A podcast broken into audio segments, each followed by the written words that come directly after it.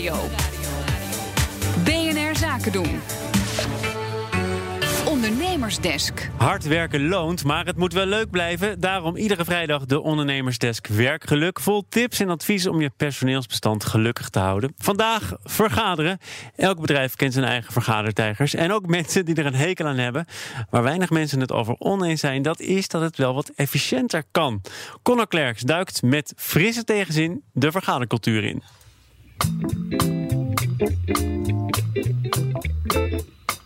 Vergaderen, dat is niet zo mijn ding.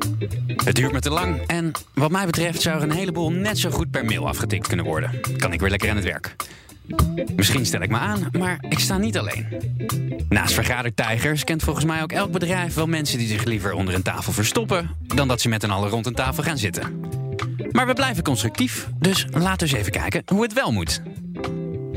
Stel ik me nou aan of vergaderen we te veel? Um, nou ja, ik zit natuurlijk niet bij jouw vergaderingen, dus dat kan ik niet zo goed beoordelen. Ik denk dat je wel kan zeggen dat we niet zo doelmatig vergaderen in Nederland. Dus daar gaat vaak tijd verloren omdat we niet datgene doen wat we zouden moeten doen in een vergadering. En dat kost dan dus ook vaak extra tijd. Roderick van Grieken is directeur van het Nederlands Debatinstituut, geeft ook uh, vergadertrainingen. Ik zit hem in een aantal dingen. Ik denk dat allereerst um, vergaderingen een hele slechte agenda hebben. Dus dat er aan de voorkant niet goed is nagedacht. Wat gaan we bespreken? Waarom gaan we dat bespreken? En wat is het doel dat we het bespreken? Een tweede reden is dat deelnemers aan de vergadering het ook niet goed voorbereiden.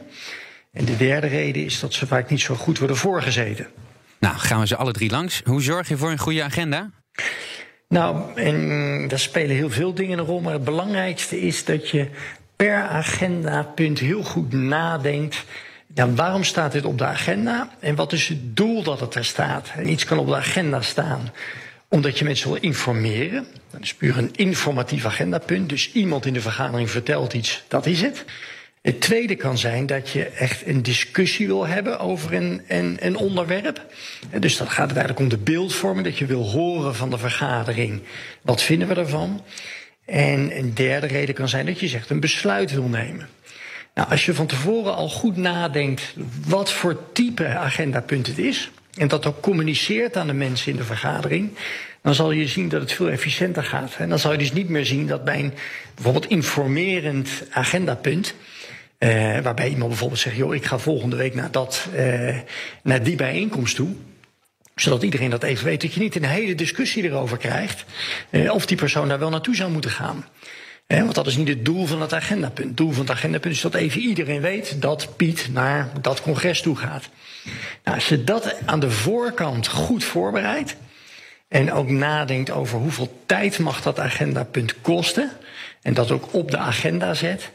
Ja, dan zal je zien dat al een heel stuk efficiënter gaat. Het tweede punt, de voorbereiding, ja, kan ik alleen maar mezelf aanrekenen. Maar hoe zorg je nou dat je hem goed voorzit, zo'n vergadering? Nou ja, dat is. Ah, kijk, als je dus eenmaal die goede agenda hebt gemaakt. Eh, dan is het aan de voorzitter om er ook voor te zorgen dat daar aan gehouden wordt. Dus als iemand een informerend punt brengt en dat dreigt toch een discussie te ontstaan, eh, dan is het aan de voorzitter om te zeggen: joh, dit doen we niet. Uh, dit was een informerend punt.